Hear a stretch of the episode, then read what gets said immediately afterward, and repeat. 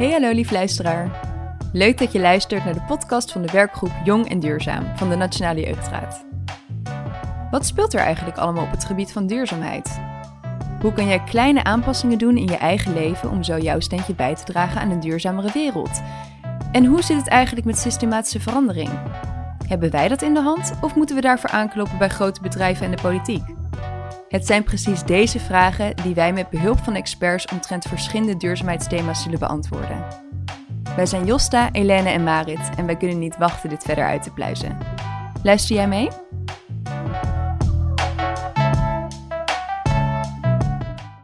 Hallo, hallo. Welkom bij deze podcastaflevering weer. Uh, we hopen dat jullie de andere podcastaflevering ook super leuk vonden. En nu gaan Helene en ik ook weer een super mooi, echt nou, volgens mij een hele inspirerende podcast opnemen. Ik ben zelf heel enthousiast in ieder geval. Ja, ik heb er ook heel veel zin in. Ja. En we gaan het vandaag hebben over het klimaatdieet. Klopt. Dus wat kan je nou het beste eten? Uh, en dat goed is voor het klimaat. Dus dat je dan ook gelijk duurzaam bezig bent. Precies. Ik denk dat daar nog best wel wat ja, oneenigheid over bestaat. Dat mensen ook niet echt zo goed weten wat nou het beste is. Ja, precies. Want je hebt zoveel verschillende factoren natuurlijk. Mhm. Vegetarisch, veganistisch, ja, uh, lokaal, biologisch. Ja. ja. en ik denk dat mensen al heel snel denken... oh, veganistisch is duurzaam. Wat ik denk in heel veel aspecten ook wel klopt. Maar um, daarom is het ook wel fijn om dat nu ja, wat duidelijker te krijgen...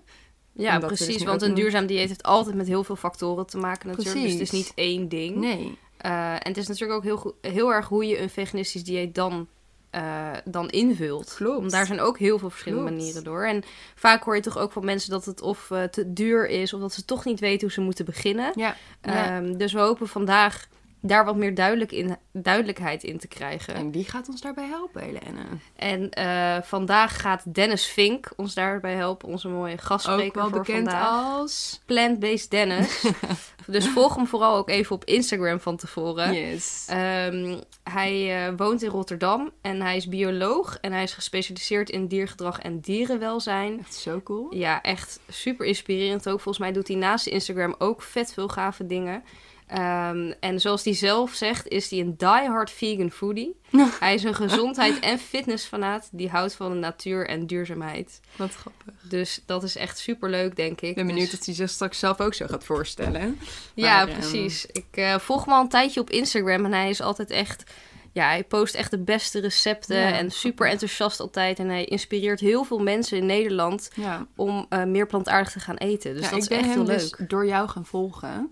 Um, en ik denk ook omdat jij, ook goed om te weten, denk ik, Elene is zelf ook al veganistisch, toch? Ja, klopt. Ja. Al uh, 2,5 jaar nu. Ja, Ja, klopt. En ik ben, nou, voor zover ik weet, echt al iets van acht jaar vegetarisch. Dus ik eet geen vlees. Ik eet nog wel vis en nou ja, zuivel en zo ook nog wel. Um, ja, maar dat is gewoon een keuze die ik uh, heb gemaakt. Of ja, ook twijfels bij mezelf hoor. Maar daarom ben ik ook altijd. Ik sta wel open voor mensen die uh, er anders over denken. Of misschien hetzelfde erover denken, maar anders zich erin gedragen of zo, denk ik. Ja.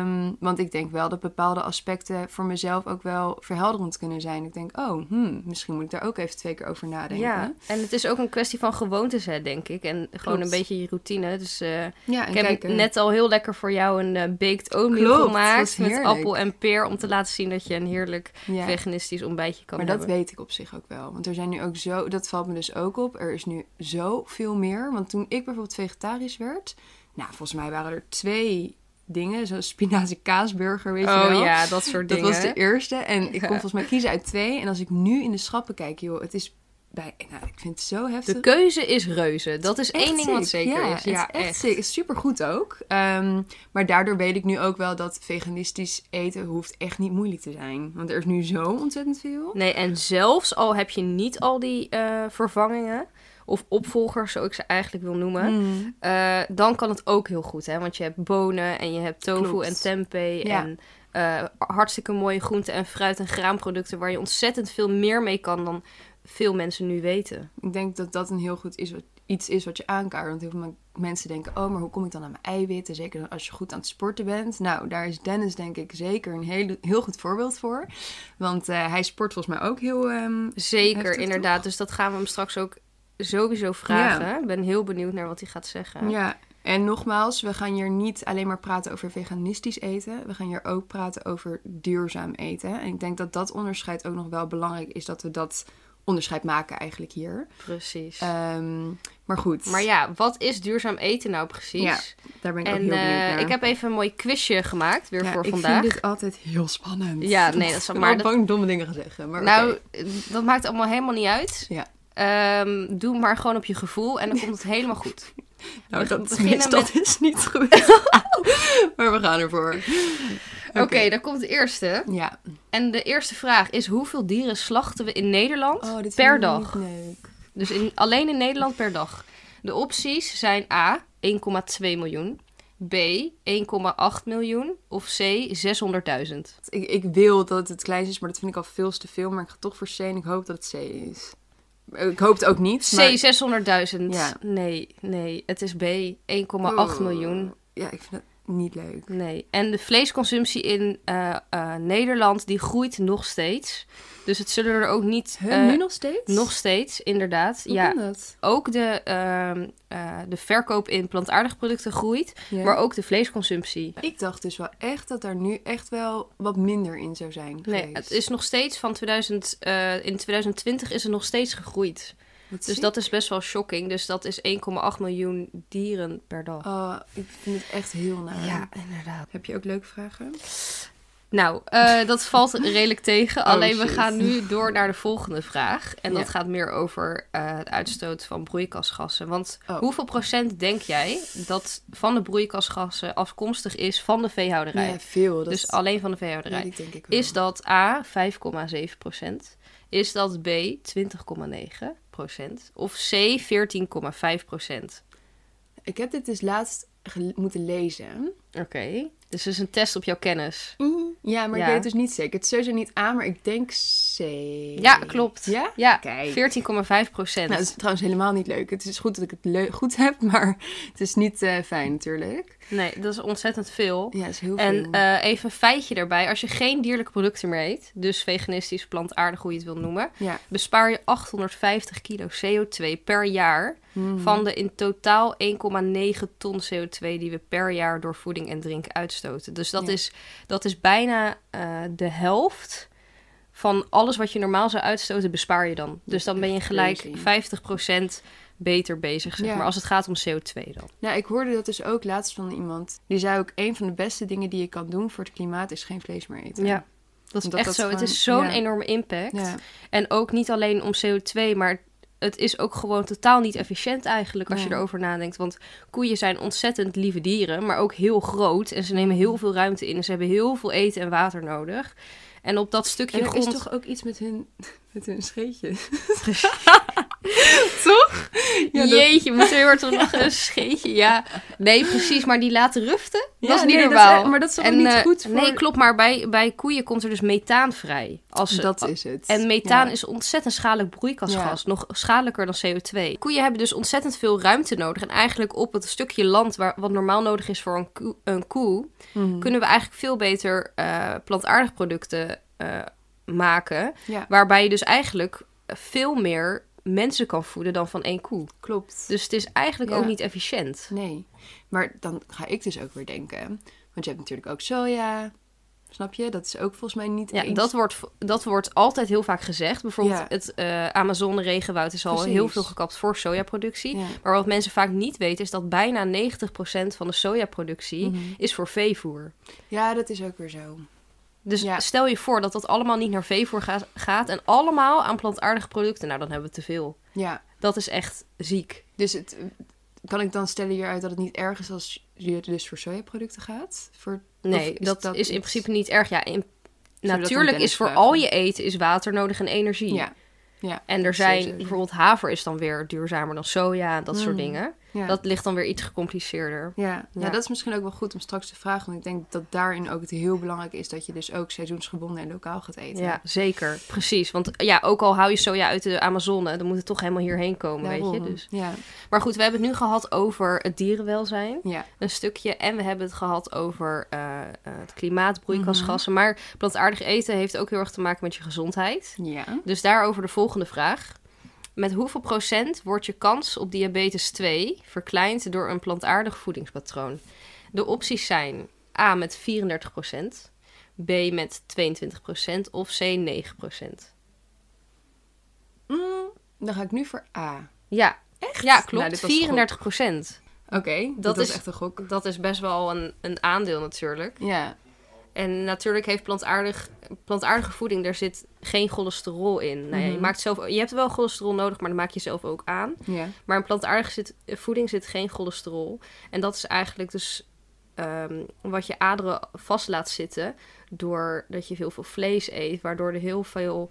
eh daar heb je een hele grote kans op hart- en eh, vaatziekten. Ja. En dat is een van de grootste redenen, eh, de grootste Nou, doodsoorzaken. Kijk, zo zie je. Je me nu al wel. Ja, ik eet natuurlijk geen vlees al, maar...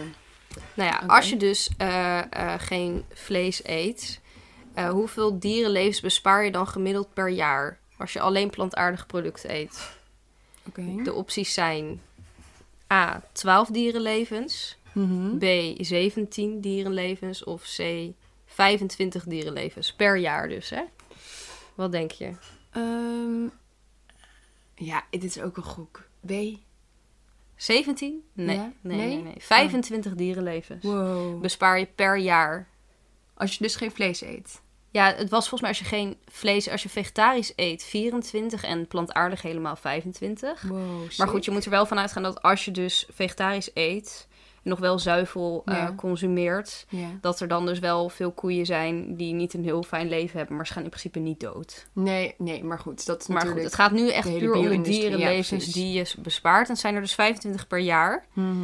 Ja, dat is best wel veel. En dus veel. stel je voor, wij doen het al samen, dus er zijn er al 50 dieren. Ja, ik denk dus dat sommige mensen nu dus ook kunnen denken... Oh, in een jaar 25 dieren, dat valt nog best wel mee. Ik vind het maar dat is dus een heel dier, hè? Dus als Ja, je een, één stukje koe eet, dan, dan... Ja, dat is nog Nee, niet maar een ik heel ben het dier, er helemaal mee eens. Maar ik, ik kan me voorstellen dat mensen nu denken dat is heel weinig. Maar inderdaad, Ja, het is een leven. Toch? precies. Dus ja, ik vind één al veel. ik, daarom. Ja. Daarom. Dus ik, ik, ik weet niet of mensen zo denken hoor. Want ik vind het onwijs veel. En het, ik vind het prachtig als ik denk, wow, ik eet geen vlees. Of ik ben ja, vegetarisch. nee, Dus maar ik- ja, ik, ik, ik heb ook wel veel mensen om me heen die toch niet dat gevoel hebben. en Die Nee. connectie met dieren niet. nee, Dat kan ik me op zich ook wel ergens voorstellen, want je ziet ze ook niet. Je hebt Ja, geen idee, ze denken het. niet hetzelfde. Nee, maar dus- je ziet ze niet die pijn hebben. Snap je ik bedoel? Nee. Dat wordt natuurlijk altijd heel mooi. Je ziet het alleen maar in de supermarkt. Dus ja, dat wat er die voor connectie heb je helemaal niet. Nou, ik als kind, ik dacht echt niet, nou, deze slaving komt van een varken Ik hoor. ook Dat dacht ik niet. Nee maar, nee, maar dat niet per se. Maar je ziet ook niet wat een diertje ehm jij heeft moeten afstaan, moeten lijden om daar te komen. Ja. En want Nee, ik weet nog wel, de reden dat ik vegetarisch werd, was om een reclame die ik toen op een gegeven moment zag op de tv. En ik vond dat zo heftig om te zien. Dat was echt niet leuk. En ik heb volgens mij tien seconden daarnaar gekeken en ik dacht echt, dit, dit, dit vind ik zo naar. Ja. Dat was volgens mij van een slachthuis of zo. Dat was echt heel naar. Die staan wel ergens online. Ik kijk er nu niet meer naar. Maar dat was voor mij wel echt, echt even goed om te weten van... Oké, dit gebeurt er dus. Want mensen zijn zich van geen kwaad bewust. Nee, maar het wordt ook voor ons achtergehouden. Want als je dat ziet, Ja, dan gaan wij minder investeren in Ja. de vleesindustrie. En dat willen ze niet. nee. Maar daarom vind ik het soms ook heel krom. Het wordt ons ook niet makkelijk gemaakt. Nee, dat zeker Althans, niet. Het is... Sommige dingen zijn ook wel echt duurder. Ik kan me daar best wel in vinden. Daar loop ik best wel zelf ook tegenaan. Mhm. Bepaalde dingen dan. En het is natuurlijk ook zo dat... Ja, er wordt zo erg mee gesjoemeld. En er wordt Ja. zo erg op je ingespeeld. Ja, Terwijl nee, ze zeker graag waar. een zonder leven. En ik denk, nou, maak het voor ons dan ook wat makkelijker. Ja, En toegankelijker om duurzamer te eten. inderdaad. Ehm, maar goed, dat is weer een heel ander. Ik ben benieuwd of Dennis er iets over te zeggen ook heeft. Ja, ik ook. En dan gaan we nu even door naar de laatste vraag.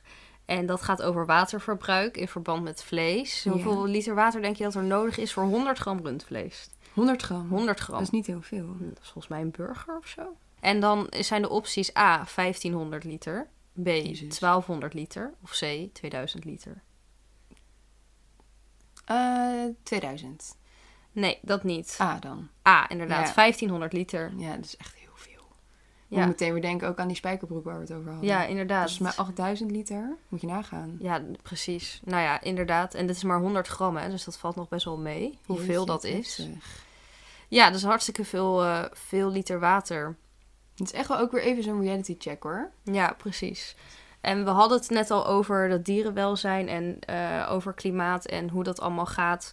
eh, en hoeveel ruimte koeien nodig hebben. Maar ja, zoals ik al zei, het is dus eigenlijk duurzamer als koeien minder ruimte innemen. Ja. En daarom is het ook zo dat ongeveer 95% van het vlees dat in de supermarkten wordt verkocht, is afkomstig uit intensieve, intensieve veehouderij.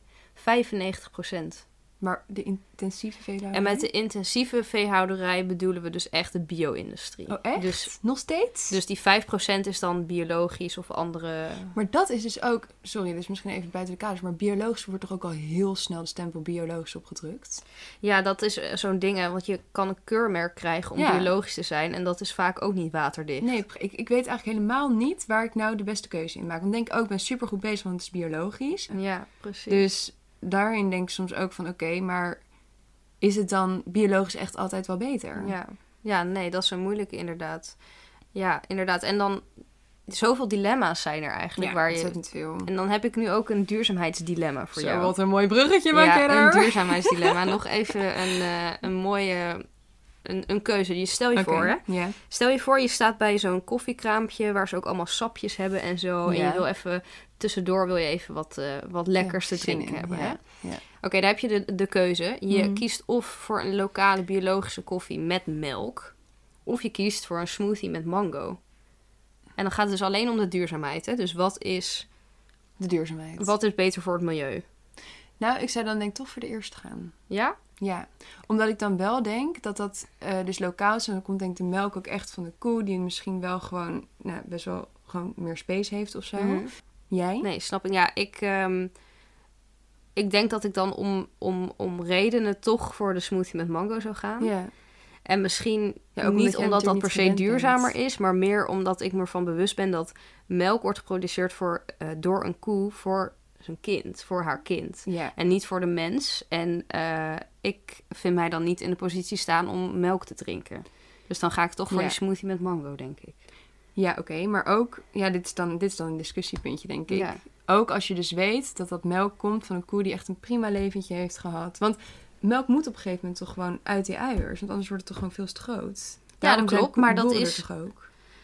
Ehm, er zit melk inderdaad in die uiers, maar nogmaals, dat is dus voor het kind bedoeld. Net Maar zoals... allemaal. Want het Ja, moet volgens mij op een gegeven moment ook gewoon gemolken worden. Ja, nee, dat is dus echt voor het kind. En ehm, soms, wat het ook heel vaak is, is je ziet heel vaak eh, koeien met enorme uiers. Daar moet je Mhm. waarschijnlijk nu aan denken. Ja, Maar dat, is, dat komt dus ook omdat wij koeien zo hebben eh, gebroed, zeg maar, in de intensieve Mm. veehouderij. Om zoveel melk te kunnen produceren. Een, een echte normale koe, zeg maar, die produceert helemaal niet zoveel Ja. melk. Want het is gewoon niet nodig. Nee, maar goed, het is wel een dilemma van op de duurzaamheidskwestie. Wat is dan de beste keuze? Ja, dat is dus echt best wel moeilijk. En het is moeilijk om uit te komen, denk ik ook. Ja, ik, ik heb hier bijna geen verstand van, dus ik vind het ook Nee. moeilijk om te zeggen: dit is beter, dit is niet beter. Nou, ik vind dit wel mooi iets om ook met Dennis te bespreken. Van joh, waarin is misschien de optie om je af te staan van het veganistische meer duurzaam? Ja, Snap je ook bedoel, waar ik heen wil? Dus dat je soms misschien moet afstaan ehm, Dat je soms de voor- en nadelen ook moet afwegen. Dat Ja. misschien soms een ander product duurzamer is. die niet misschien Ja. veganistisch hoeft te En zijn. dat is dus heel erg een dilemma. Want dat is dus als je vanuit het oogpunt kijkt milieu, vanuit het veganistisch voedingspatroon. Maar ja, je hebt dan ook nog voor je gezondheid en is voor dierenwelzijn. superbreed. Het is super breed. En daarin denk ik ook dat we heel erg goed straks ook in het gesprek met Dennis moeten gaan bekijken van oké, wat hoort waarbij? Want duurzaam, veganistisch en inderdaad ehm, de keuze waarom je veganist bent geworden, de- is dat voor gezondheidsredenen of is dat voor ik sta gewoon totaal niet achter wat er allemaal gebeurt? Ja, Dat is wel belangrijk om ook mee te nemen, want dat is voor iedereen verschillend. En ik denk Zeker. dat iedereen daarin ook zelf moet ervaren wat het beste bij hem of haar past. dat is denk ik heel belangrijk iets wat je noemt inderdaad. Ja. En ik ben ook heel benieuwd wat, eh, wat Dennis erover te vertellen heeft. opbellen? Laten we hem Of opbellen. inbellen? Ja, Ja. laten we dat doen. Top. Oké, hey Dennis. Hallo. Welkom, wat leuk dat je mee wilt doen aan onze podcast over klimaatdieet. superleuk. Welkom. Dank je. Leuk dat jullie mij hebben gevraagd. Yes. Nou, we zijn eigenlijk gewoon heel benieuwd. We hebben net al een kort praatje en even voorgesteld, maar ook voor de luisteraar. Wie ben je? Waar hou je mee bezig? Eh, ja, een beetje kort maar krachtig. eh, vertel je verhaal. Eh, ik ben Dennis, Dennis Vink. Ik ben 7, nee, 28 jaar, sinds, sinds kort. Ik woon in Rotterdam. ik ben bioloog, vooral gespecialiseerd in dierenwelzijn en diergedrag. en daarna heb ik me weer eigenlijk verder ge- gericht op dierethiek. Cool. Ehm, ik ben nu zes jaar vegan.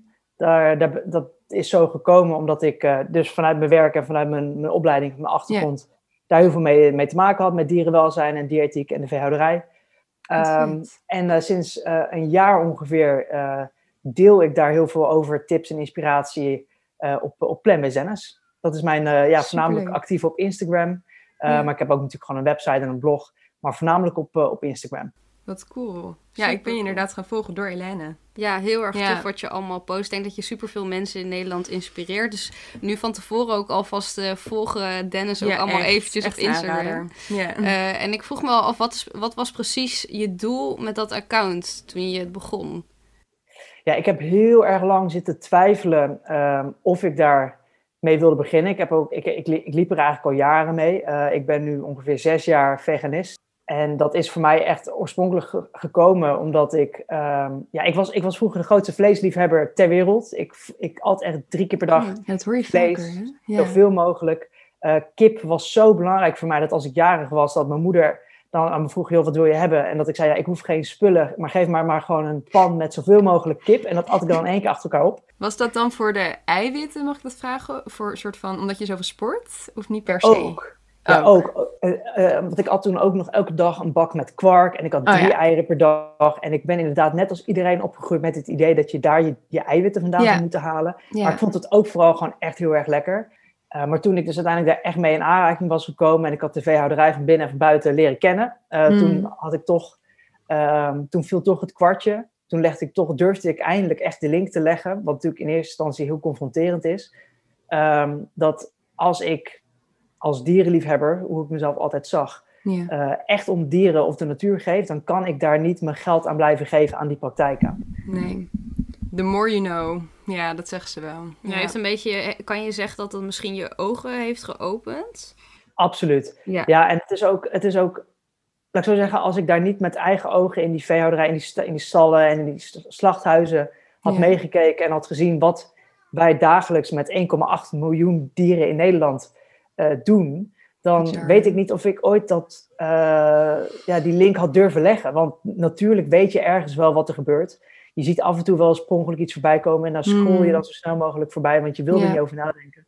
Maar toen ik daar zo uh, die dieren in de ogen keek, die dan één voor één weer die, die, ja, die heftige die, die, die, gaskamers ingingen, ja, dat, dat, dat, dat, ik kon het niet naar mezelf verkopen dat ik dan met wat ik had gezien, dat nog steeds bleef steunen. En dat waren dan nog de beste omstandigheden, de hoogste standaarden op het gebied van dierenwelzijn.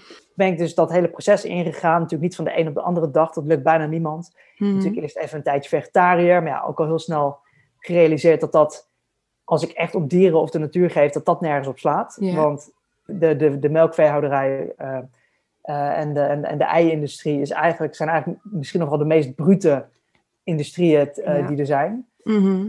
nou, dus uiteindelijk richting veganist. Toen was ik dat een hele lange tijd. En toen, toen ik daarmee begon, was ik de eerste en enige veganist in mijn hele omgeving. Ik, ik kende niemand, geen een, geen, geen een van mijn vrienden was ermee bezig. Ik moest het aan iedereen uitleggen en verklaren. En ik was echt heel gek, een vreemde eend in de bijt. En toen merkte ik dat langzaam maar zeker door de jaren heen, doordat ik dus in mijn kleine privé Instagram-accountje met een paar honderd vrienden en familie die ik dan echt, hè, mijn afgeschermde accountje, Um, daar deelde ik heel af en toe deelde ik gewoon wat ik, wat ik, uh, wat ik at. Maar ook, ik sport veel. Ik sport altijd al veel. Ja. Maar iedereen zag eigenlijk dat vanaf het moment dat ik plantaardig ging eten, dat ik in één keer heel veel meer mijn fitnessgoals ging halen. En dat, ik, en dat, dat, deel, dat liet ik daar dan ook zien. Nice. En daar kreeg ik dan ook vragen over. En ik deelde wat ik at en hoe lekker het allemaal wel niet was. En af en toe deelde ik ook gewoon even een kritisch artikel of wat beelden van, vanuit de veehouderij. Niet te veel natuurlijk, dat is natuurlijk heel hmm. gevoelig. En ik, ik merkte dat ik in mijn kleine privé kringetje al tientallen vrienden en familie al had kunnen ja, aanzetten of stimuleren en vooral helpen. Ja, inzicht mensen geven. Weten gewoon niet, precies, mensen weten ook gewoon niet waar ze moeten beginnen of wat ze nee. dan in hemelsnaam kunnen eten. Nee. Maar ze zagen hoe ontzettend makkelijk het wel niet is en hoe lekker je wel niet eet. Uh, maar had ik dus al kunnen helpen om plantaardig te, te gaan eten, of in ieder geval meer plantaardig. En toen is het uiteindelijk na heel lang wikken en wegen en ook na heel lang gedacht te hebben van ja, weet je, wat kom ik dan nog, wat gaat mijn toegevoegde waarde dan echt nog, nog zijn? Want we hebben Lisa Goes Vegan al, waar ik heel erg tegenop kijk en uh, uh, waarvan ik altijd dacht, ja, als zij er al, al is, wat kom ik dan nog doen? Oh ja, dat dacht je daar zo over? Ja, ja, ja ik dacht, ja, het, is, het kost zoveel tijd. En ik had ook altijd een hele sterke mening over influencers. Ik vind het vreselijk. Dat woord vind ik nog steeds vreselijk. Ja, ja. Dodelijk vermoeiend. Het is zo uiterlijk. Maar toch heb je de keuze gemaakt om het te doen. Ja, omdat ik het uiteindelijk besefte, als ik misschien als ik al tientallen mensen in mijn privésferen heb kunnen uh, aanzetten om dat te doen in mijn, hè, in mijn accountje, kan ik misschien wel honderden mensen aan, aanzetten om ook maar iets vaker plantaardig te eten. Als ik een ja, dat is super mooi. Uh, ja, ja je nu zelfs al duizenden. Hè? ja, dat, uh... maar ik denk dat dat ook heel mooi is. Dat je gewoon mensen een soort van een beetje inzage geeft in wat er allemaal gebeurt. Daarin niet op een manier van je moet. Um, want ik denk dat vingerwijzen daarin ja, niet echt altijd de beste manier is. Maar je maakt het toegankelijk en je maakt het bespreekbaar. En ik denk dat dat gewoon heel belangrijk is. Ehm, dus dat vind ik echt super tof hoe je uh, ook in je stories al die informatie deelt. Dat is toch wel even een wake-up call, denk ik, voor veel mensen. Die zich er anders helemaal niet van bewust waren.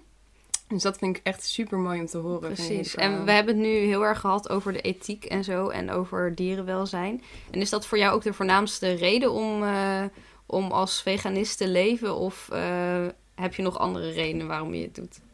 Nou, het was mijn, het was mijn eerste reden. Het was uh, de, de, de eerste aanzet. Uh, en ik dacht in eerste instantie zelfs nog, hè, toen ik, ik sportte toen ook al veel. Uh, en ik dacht, oh, dan moet ik daar mijn eiwitten vandaan halen. Maar als ik dat dan niet meer doe, ehm, ja goed, hè, dan gaat het sporten misschien iets minder snel. Of dan zal ik misschien iets minder mm. snel spier opbouwen of droog trainen of whatever. Um, maar het tegenovergestelde was waar. Dus ik merkte, ik, ik deed eigenlijk van oké, dan neem ik dat maar voor lief, hè, dat verlies. Maar mijn fitnessgoals zijn niet belangrijker dan het leven van een ander. Maar het tegenovergestelde gebeurde. Dus in één keer merkte ik dat ik veel meer spier uh, kon, kon, kon uh, laten groeien. Dat ik mhm. veel makkelijker kon droog trainen. Dat ik veel meer energie had. Veel sneller herstelde na een workout. Ja. dat veel minder blessures had. Um, en toen ik dus daar echt de wetenschap op ging nazoeken, um, en dat, daar, daar kwam mijn achtergrond als bioloog natuurlijk wel van pas, dat ik die wetenschappelijke literatuur gewoon allemaal kan begrijpen en kan vinden, mm. uh, kan interpreteren. Dat probeer ik dus ook op Plant-Based Dennis zoveel mogelijk te vertalen naar gewoon hè, alle... Naar een toegankelijk uh, bericht. Ja, precies. Um, toen, wist, toen bleek de wetenschap dat al lang te weten, dat, dat het, uh, en, en niet alleen qua fitnessgoals, maar dat het ook eigenlijk het beste is wat je kan doen voor je gezondheid. Um, dat het je, je risico op kanker, hart- en vaatziekten, diabetes, longziekte, cognitieve uh, ziekten, uh, Alzheimer's, al die chronische ziekten is verlaagd. En ook je, ja. je levensverwachting hè, je, uh, verhoogt en je kan ze vroegtijdig... Ja, dat vertelde Ellen inderdaad ook al. Ja. En ik denk, want nu hebben we het natuurlijk heel erg over het ethische vlak, over het gezondheidsvlak, maar wij zitten hier natuurlijk ook voor de duurzaamheid. Um, ja. En dat aspectje, daar loop ik zelf persoonlijk ook best wel tegen aan. En ik kreeg er ook best wel veel vragen over, althans Ellen en ik. Van joh, um, is veganistisch eten ook altijd duurzamer? En we hadden net ook een heel mooi dilemma daarover. Um, want ja, de hoeveelheid bijvoorbeeld water, dat bijvoorbeeld volgens mij nou, een mango, maar ook een avocado, uh, dat is best wel veel. Um, dus ja, zou jij ons misschien daar wat meer over kunnen vertellen? Ja, dat is een hele goede vraag, want dat is inderdaad nog eentje waar ik achter kwam pas nadat ik er, mij erin ging verdiepen. Uh, er, zijn, er is in 2018 is er een, echt een gigantische studie geweest van uh, Joseph Poor, die, um, die wat echt een soort van het, het toonaangevende onderzoek is, uh, is geweest. Die heeft meer dan 40.000, de, de data van 40.000 boerderijen geanalyseerd. En zijn hmm. conclusie was, hij was, hij was geen veganist, maar toen hij, toen hij zijn conclusies had en zijn resultaten had, is hij van schrik zelf veganist geworden. Um, dat zelfs het meest vervuilende en het minst duurzame plantaardig product mm. nog mhm. altijd tientallen malen uh, minder vervuilend en, en nog tientallen malen duurzamer is dan het meest duurzame dierlijke product. Jeetje. Ja, echt? Ook al is dat ja, lokaal bizar. of seizoensgebonden?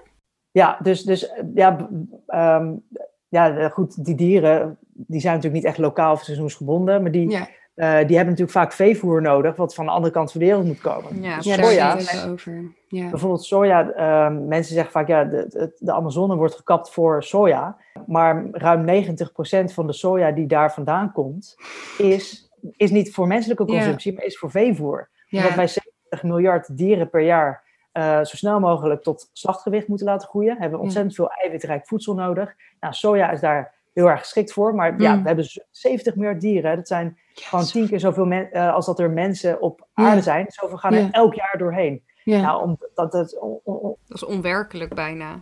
Ja, hoeveel voedsel daarvoor nodig is. Dus dat, daar wordt de Amazone voornamelijk voor gekapt. De, Amazone, de, de, soja die wij eten in onze Alpro en in onze vleesvervangers en, en, in onze uh, soja cappuccino, dat wordt allemaal in Europa of in Noord-Amerika uh, duurzaam verbouwd. Okay. Uh, waar het niet bijdraagt aan, aan ontbossing. Dus soja is een hele duurzame keuze als we het maar zelf eten. Ja, oké, okay, tof. Van Jozef Poor, ja. die, ehm, uh, die, die, zijn conclusie was, ook al was hij totaal geen veganist, hij zei, plantaardig eten is als je het hele pakketje samenneemt, dus ook qua ontbossing, want dat zijn natuurlijk de longen van de aarde, samen met de algen, um, uh, maar ook de, de uitstoot die ervoor nodig is en de vervuiling, die, die, die gigantische hoeveelheid mest, wat dan weer in het water verdwijnt, stikstof wat in de lucht verdwijnt, ja. Um, is plantaardig eten het beste wat je kunt doen voor, uh, voor de planeet. Ziek. Dus inderdaad, als ik dan dit zo aanhoor, is het zo dat dus veganistisch eten wel dus ook duurzamer is? Per definitie eigenlijk wel, ja. Ja, kan je dat zo stellig zeggen? Ja, het, kijk, dat, is, dat ligt, ligt er natuurlijk heel erg aan. Als je, voorna, als je voorheen alleen maar uh, lokale kip uit je eigen tuin at, je gaat dan veganistisch eten en je gaat dan alleen maar avocado's en amandelmelk drinken. Ja. ik eet eigenlijk ook vrijwel geen avocado's. Ja. A, vanwege het duurzaamheidsaspect. B, omdat ik volgens mij in de gaten heb inmiddels dat ik er heel veel puistjes van krijg. Ah, kijk. Sinds ik ben gestopt, ik had vroeger altijd een heel groot gevecht met mijn huid. Sinds ik ben mm. gestopt met zuivel is dat echt van de een op de andere dag verdwenen. Dat hoor je ook veel, ja. Ja, dat is, en dat weet de wetenschap ook al lang, dat zuivel echt één op één gelinkt is aan acne. Maar als ik avocado eet, dan heb ik het in één keer weer. Dus, maar goed, maar vooral vanwege duurzaamheid uh, eet, drink ik eigenlijk eet ik weinig avocado. Alleen als ik het krijg in een restaurant bijvoorbeeld. Ja, precies. Ja, of dus ook amandelmelk. Zijn dat de enige twee dingen die je dan nu niet echt om duurzame aspecten niet eet? Ja, eigenlijk wel. Ja, ja, ja want um, er zijn natuurlijk nog heel veel andere... Hè, binnen, binnen de plantaardige voedselproducten zijn er natuurlijk nog andere die meer aan de vervuilende of belastende. Dat is altijd zo. Ja, en je kan het natuurlijk zo moeilijk of makkelijk voor jezelf maken, ook wat het, wat het is, zeg maar. Ja. Je kan altijd weer beter doen, denk ik. Zeker, en dat is dus ook wat we net ook zeiden. Er is gewoon zo'n groot onderscheid tussen gezondheidsredenen, ethische redenen en duurzaamheidsredenen. Mhm. En natuurlijk overkoepelt het zich, maar ik denk dat elk soort van ja, hokje, hoe wil je het noemen, elk, nou ja, je snapt wat ik bedoel, heeft ook weer andere ehm, keuzes die je op dat moment moet maken. Ja. Uh, en wat past bij jou hoeft niet te passen bij een ander. Um, precies. Denk ik. Nee, en ik hoor heel veel mensen die uh, om me heen ook, die wel meer plantaardig willen gaan eten, maar die toch denken dat het, dat het duurder is. Um, en de vraag is eigenlijk aan jou, is dat wel echt zo? En heb jij er misschien tips voor? Ja, zeker. Ik hoor dat inderdaad ook uh, heel vaak. Dat is een hele goede vraag.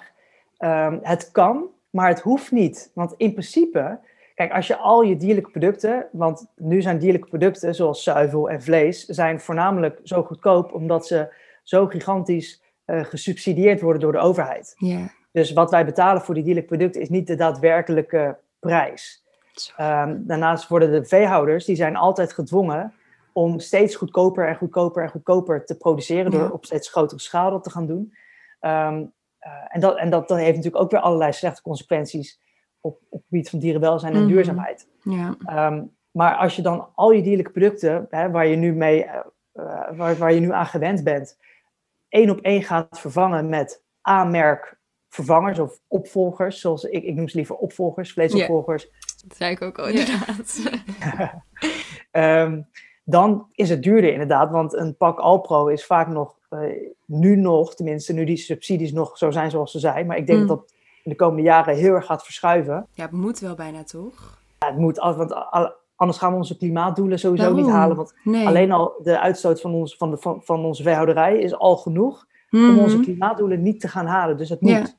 Uh, dus als je dat, als je Alpro of je, je zuivelproduct uh, vervangt door Alpro en, en je, uh, je, je, je euroknaller kip vervangt door vegetarische slager, ja, dan ben je onderaan de streep echt mm. wel per keer dat je gaat boodschappen doen, een paar euro duurder uit. Dan kan je natuurlijk afvragen, kan je dat echt niet missen of wil je dat niet missen? Want volgens mij heeft bijna iedereen ook een, een iPhone uh, van 50 euro per maand, weet je. En de kopen voor kleding kan je niet één stuk kleding minder, minder, kopen en dan een paar euro meer uitgeven Maar goed, als dat Mm. echt niet kan, dat, dat geldt natuurlijk ook voor heel veel mensen. Je hoeft die, die, je hoeft die dierlijke producten, die heb je op geen enkele manier nodig om gezond te zijn. Nee. Integendeel. Ehm, dus je hoeft ze ook niet te vervangen. Je, kan Nee. ze, je, kan, eh, je moet alleen even dat beeld loslaten dat je aardappel, groente, vlees bijvoorbeeld, dat je De een Hollandse nasi, pot. precies, dat je nasi of een curry, dat je daar kip doorheen moet doen, of lasagne, dat je daar gehakt doorheen moet doen. Ja. Je kan daar vega kip en vega lasagne doorheen doen, maar ehm, je kan ook de kip vervangen door een pot bonen. Tempeh of tofu, ook hartstikke eiwitrijk. En dat is goedkoper dan vlees. Dus eh, ja, ik bedoel rijst met bonen. eh, of in plaats van een stuk kip, dat je daar een extra stuk groot, eh, een broccoli of zo, een heel groot vullend stuk groente doorheen gooit. ja. En dan ben je goedkoper uit. En, want ik vind het, ik ben het helemaal met je eens en ik, ik leer hier ontzettend veel van. Maar waar ik dan nu ook aan zit te denken, is de mensen die oprecht in armoede leven. Die dus ook niet ehm, misschien de toegang krijgen tot deze informatie. Ik denk dat heel veel mensen zich daar ook gewoon niet van bewust zijn. En dan zie je inderdaad, dan kom je een supermarkt in of dan ga je naar een Mac waar het gewoon echt heel goedkoop is. Eh, het is goedkoop, het is toegankelijk, het is makkelijk. Ehm, heb jij nu dat je denkt, althans ik vraag me af, hoe bereik je zo'n groep? Heb je daar ooit over nagedacht? Absoluut, ja, heel veel. Dus ik ben ook heel veel in gesprek met bijvoorbeeld gemeentes. Eh, of mensen die zich bezighouden met onze voedselomgeving. Want daar Ja. gaat het eh, in principe om. Hè, dat eh, onze voedselomgeving is er op dit moment helemaal opgericht om ons zo, ja, eigenlijk zo, zo ongezond Ja, mogelijk te laten eten. stom eigenlijk hè? Ehm, Ja, een euroknaller. Ik ging vroeger ging ik altijd langs de McDonald's en dan had je een euroknaller burger voor een euro en dan kocht, kocht ik er acht. ja. En die at ik achter elkaar op. En dan dacht Wow. nou, ik goed- ik heb goed, ja, dat, dat, is, dat is mijn enige, dat is mijn grootste talent eten. maar dat is, dat is voor een euro. En als je dan een, voor een euro zo'n gigantisch vervuilende en ongezonde burger kan eten, maar als je een salade ergens, als je op straat loopt en je, hebt, je, hebt, je, je wil iets halen, A, het is al bijna niet te vinden. Als je echt iets gezonds en dat is puurs echt moeilijk inderdaad. Ja. ja, het is nog vaak veel duurder ook. Dus, ehm, dus samen met gemeentes, maar ook met de overheid, moeten we echt ook naast informeren van de consument, eh, de consument gaan faciliteren Ja. hierin. En het hen makkelijker maken om eh, snel even, in plaats van dat het, dat het toegankelijker en aantrekkelijker wordt om die duurzame en gezonde keuze te maken, in plaats van altijd die onduurzame keuze. En ja, Ja. dat, dat kan door, door bijvoorbeeld de subsidies om te gooien, door, de, door een vleestaks of een vleesheffing eh, in te voeren, maar ook dan de prijs op groente en fruit eh, en, en op duurzame eten te verlagen. De vervuiler betaalt, maar de, de niet-vervuiler betaalt niet en die wordt niet beloond. ja. Dus Precies. ook het seizoensgebonden en het lokale ook stimuleren daarin. Precies, ja. Dus Ja. dat gaat ook echt over ehm, eh, eh, een, prijsverlaging op, op, op duurzaam eten in alle Ja. facetten. Dus als het Ja. lokaal is, als het ge- seizoensgebonden is, ehm, als het biologisch is. Ja, goeie. Dit was ook nog een vraag die we hadden. Nu zeg je het, biologisch. Hoe snel kan je zeggen dat iets biologisch is? Ja, er zijn hele strenge eh, richtlijnen voor. En daar Ja. wordt ook heel streng op gehandhaafd. Voor- Voordat jij het, het keurmerk, het, eh, het, het, het keurmerk dat iets biologisch is, dat te Mhm. herkennen aan zo'n groen vakje met van die sterretjes erop. Ehm, en er zijn wel meerdere keurmerken die zoiets aangeven, maar dat, Ja. er zijn hele strenge eisen aan. Oh. Wat betreft het, eh, het gebruik van, eh, van bestrijdingsmiddelen bijvoorbeeld. Eh, en een bepaalde manier van natuur-inclusief eh, landbouw eh, eh, voeren. Ehm, daarmee is wel belangrijk dat biologisch is niet altijd duurzamer. nee, Nee, daar hadden we het Ja, inderdaad precies. over. Over dat dilemma. Precies. Ja, echt een dilemma. Want sowieso biologisch vlees. Heel veel mensen zeggen, ja, maar ik eet nog wel vlees, maar dan doe ik het alleen van de biologische. Ja, dat herken ik inderdaad, dat punt. Maar dat is, dat is qua dierenwelzijn ietsje minder erg, maar ook niet echt. Want die dieren eindigen allemaal in dezelfde vrachtwagens, in Ja. hetzelfde slachthuis, krijgen daar geen biologische voorkeursbehandeling. Maar ook qua eh, duurzaamheid, waar jullie natuurlijk hier voornamelijk voor zitten, eh, hebben die volgens mij iets van 32 keer zoveel land nodig en ook zoveel keer meer uitstoot. Omdat die dieren natuurlijk veel meer ruimte nodig hebben, veel langer leven, dus ook veel langer uitstoten. Ehm, eh. En dat er dus veel meer natuur moet wijken, omdat je veel meer eh, ja, voer, ander voedsel, zonder bestrijdingsmiddelen eh, heb, je, eh, groeit het natuurlijk ook allemaal langzamer, dat Ja. voedsel voor de dieren. Dus je, qua, qua duurzaamheid is biologisch vlees. ehm, en voor, voor, de, voor de planeet is dat echt, eh, ja, killing. Ja. Ehm, en voor de, voor de dieren natuurlijk helemaal. Ja. Ehm, letterlijk, dus, ja. Letterlijk. Maar biologische uh, plantaardige landbouw um, is vaak ja, duurzamer in de zin van dat er minder bestrijdingsmiddelen worden gebruikt. Ja. Ja, de bodem gaat langer mee dan, hè, want het wordt minder snel uitgeput. Precies. En ook qua bestrijdingsmiddelen, qua uh, biodiversiteit, qua insecten. Ja. Um, aan de andere kant, de, de, de stikstofuitstoot met koeien die langer leven, ja. is ook nog steeds heel hoog. Dat komt dus van die scheten waar we het over hadden, toch? ja, we hadden het er al eerder over namelijk. Toch? Ja, koeien, koeien scheten en koeienmest, dat, dat komt uiteindelijk komt er ammoniak ja. voor vrij. Dat, dat veroorzaakt de helft van de stikstofcrisis. Dus dat we met z'n allen van 130 naar 100 zijn gegaan, is echt een paar procent, terwijl de echte stikstofcrisis komt vanuit de veehouderij. En daar komt ook de, de biodiversiteitscrisis voor een groot deel vandaan. Ja, en, zo interessant. Ja, maar we hebben het nu heel veel over natuurlijk hoe het systeem en zo is ingericht. Uh, en ja, dat er toch best wel wordt besloten, denk ik, ook van, van hogerop. Hmm. En veel mensen hebben, geloof ik, het idee dat je als individu dan toch heel weinig of geen verschil maakt. Ik vroeg me wel heel erg af hoe, je, hoe jij hier tegenaan kijkt. Ja, dank, dank je voor die, voor die vraag, Helene. Dat is inderdaad precies eigenlijk waar we even op terug moeten pakken. Want dat is ook het bezwaar wat ik vaak hoor. Ja, wat, wat, wat maakt het dan uit wat ik doe? Heeft dat zin? Ja. En, en dat maakt echt uit. Want daar begint het. Want, de want we hebben het nu allemaal over de politiek en over het systeem. Um, uh, en over inderdaad het voedselsysteem. Maar de politiek en het voedselsysteem en het bedrijfsleven doet wat de consument wil.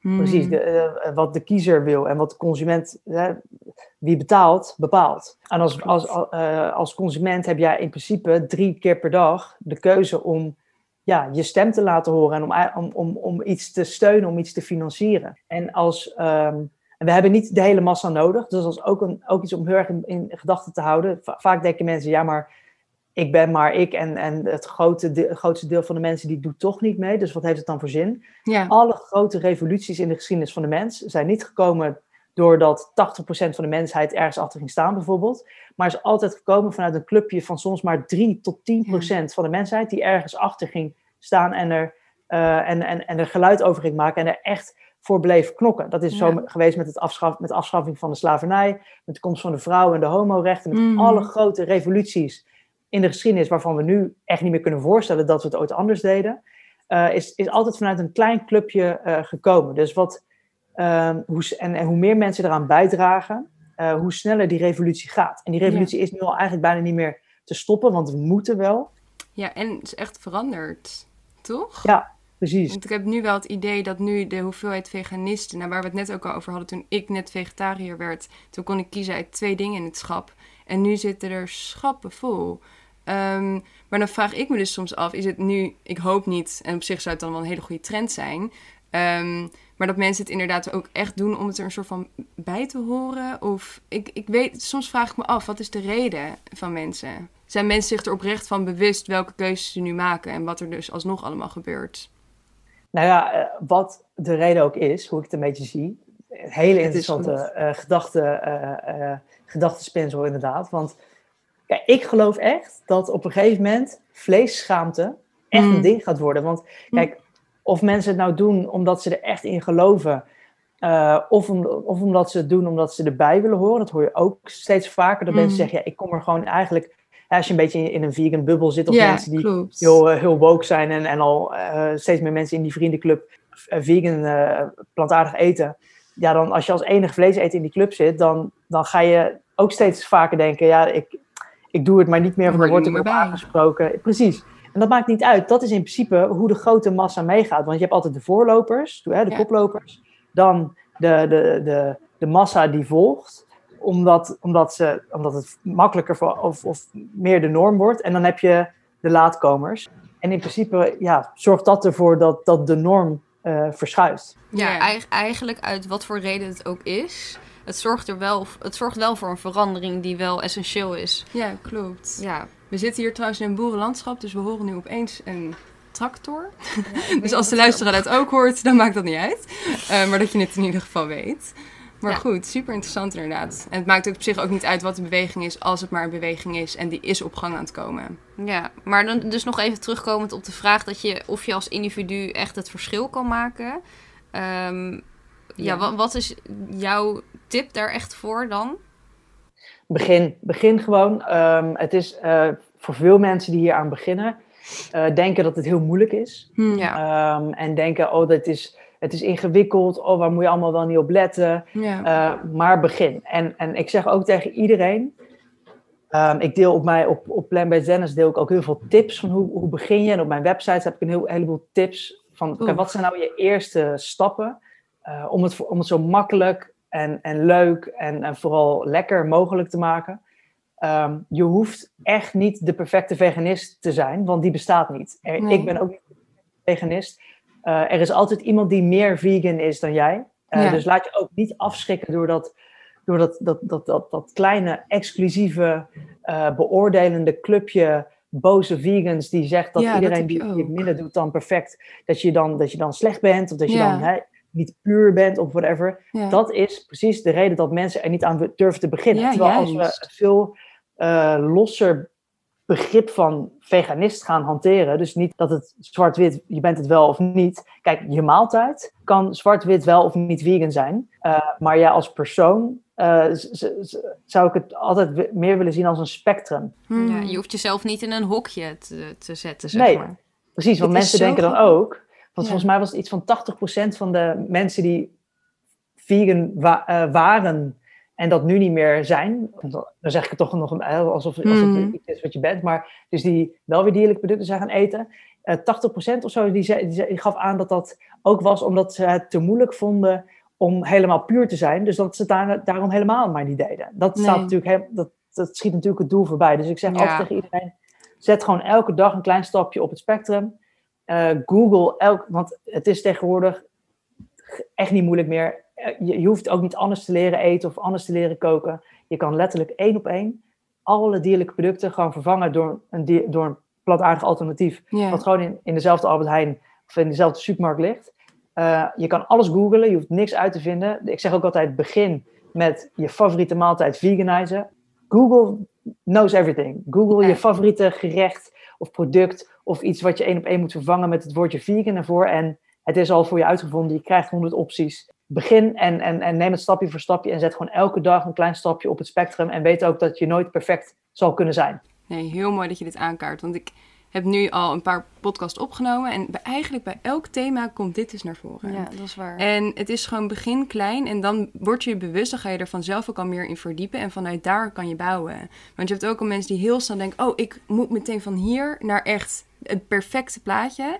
En die komen erachter, maar ik kan dit eigenlijk helemaal niet. En dat werkt heel demotiverend. En nou, je verhaal sluit denk ik ook heel goed aan op onze eh, andere vraag. En dat is eigenlijk een vraag die we in elke podcast stellen, omdat we dat toch wel een hele belangrijke vraag vinden. Ehm, van wat zijn nou echt hele makkelijke veranderingen of tips die de luisteraar dus direct op deze dag kan toepassen? Eh, en in jouw geval dus een e-patroon, ehm, om dit dus duurzamer te maken.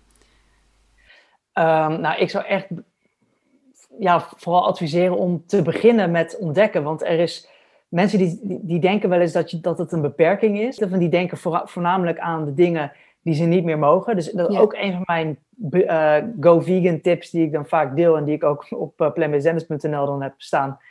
Een van, de, van mijn belangrijkste tips is denk niet in beperkingen. Denk niet van, Mm. oh, dit mag ik niet. Ja, Um, uh, want A, je mag alles, maar je kiest er dan gewoon voor om, hè, om, om een bewuste keuze te maken. ja, Uh, maar denk vooral aan, hè, denk niet aan die drie, vier dieren die je niet meer mag eten, maar aan die letterlijk duizenden groenten en smaken Mm. en kruiden. Wat hè, vlees maakt meestal toch niet de smaak, maar dat zijn de kruiden en de sausjes en Ja. al, al- alles is er vegan.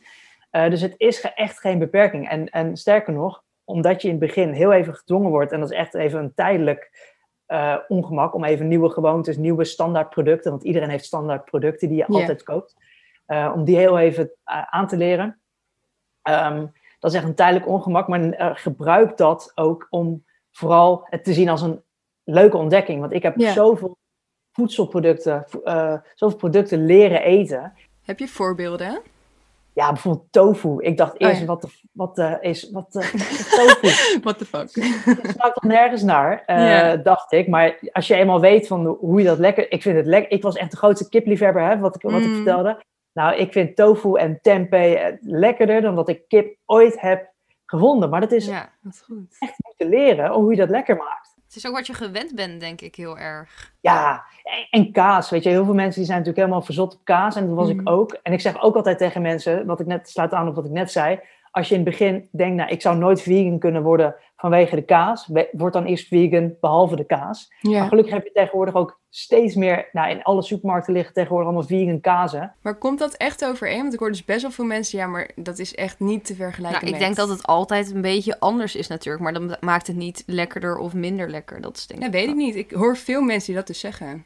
Echt wel. Ja, het is echt anders. Het is, Ja. Je moet inderdaad ook, de- daarom, daarom gebruik ik ook liever het woordje opvolger dan vervanger. Want bij Ja. vervanger denken mensen, die gaan het dan eten en die denken, hey, kan ik, proef ik verschil? Is dit echt Mhm. precies hetzelfde of merk ik een verschil? Nou, dan is het natuurlijk altijd dat je wel een Ja, verschil logisch. proeft. Maar als je denkt, hey, vind ik het ook lekker? En is dit dan, eh, dat kleine vers- dus, eh, verschil in smaak, is dat dan voor mij belangrijker dan de toekomstige generaties een leefbare planeet hebben en het leven is voor een dier? Nou, dan is het antwoord heb, heb je snel.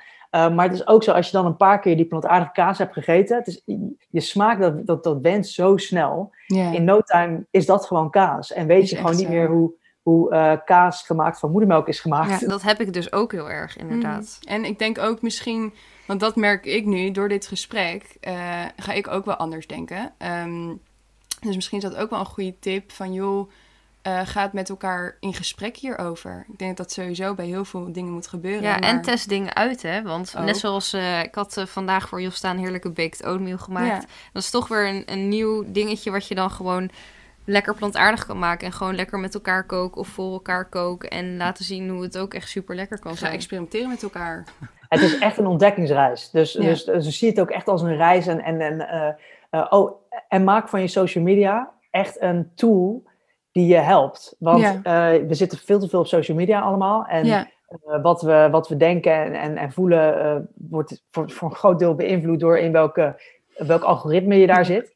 En als je even een paar accounts volgt, en die, die, die, die heb ik ook een volgtipslijstje om Oh, mee te tof. beginnen, die ik heb gedeeld. Nice. Als je die volgt, nou, dan word je elke dag word je voorzien van, oh kijk, nieuw vegan product, oh, nieuw vegan recept. Hoef je, hoef je nergens meer over na te denken, want dan heb je elke dag je, je vegan inspiratie en Ja, informatie en motivatie op je Ja. social media. Nou, dat is een hele mooie tip. nice, Beat the inderdaad. algorithm, zegt ze er ook wel. Ja. en eh, dan als laatste dingetje vroegen we wel heel erg af. Wat is nou jouw ultieme vegan maaltijd die echt iedereen moet proberen? Ja, nou grappig dat je het vraagt. Ja, eh, ehm, Helene, jij volgt mij. Ja, ik weet eigenlijk het antwoord al, inderdaad, maar voor de luisteraar. Wil je een gok doen? Het is rotti. Ja! ja. Het zo, Natuurlijk. zo leuk dat je dit weet. Dat is, het is een beetje een, een running joke geworden op mijn, eh, op mijn Instagram. Het zijn eigenlijk twee dingen. roti en cinnamon rolls. Ehm, ja, ik ben helemaal verzot. Ik ben, ik ben half Surinaams en eh, ik ben echt... Roti is echt mijn religie.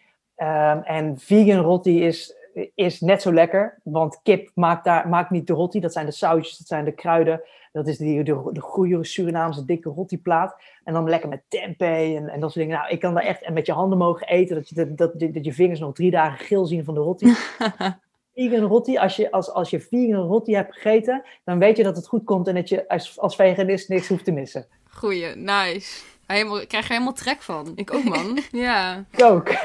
nou, jij gaat lekker straks lunchen, wij ook, gelukkig. Ehm, ja, nou, ik denk dat we echt zoveel... Ik heb, nou, nogmaals, ik heb zoveel geleerd. En je praat er ook zo goed over, echt complimenten. En nogmaals, ook ontzettend veel complimenten met alles wat je doet. Ik denk dat iedereen... Ja, ik bewonder het heel erg.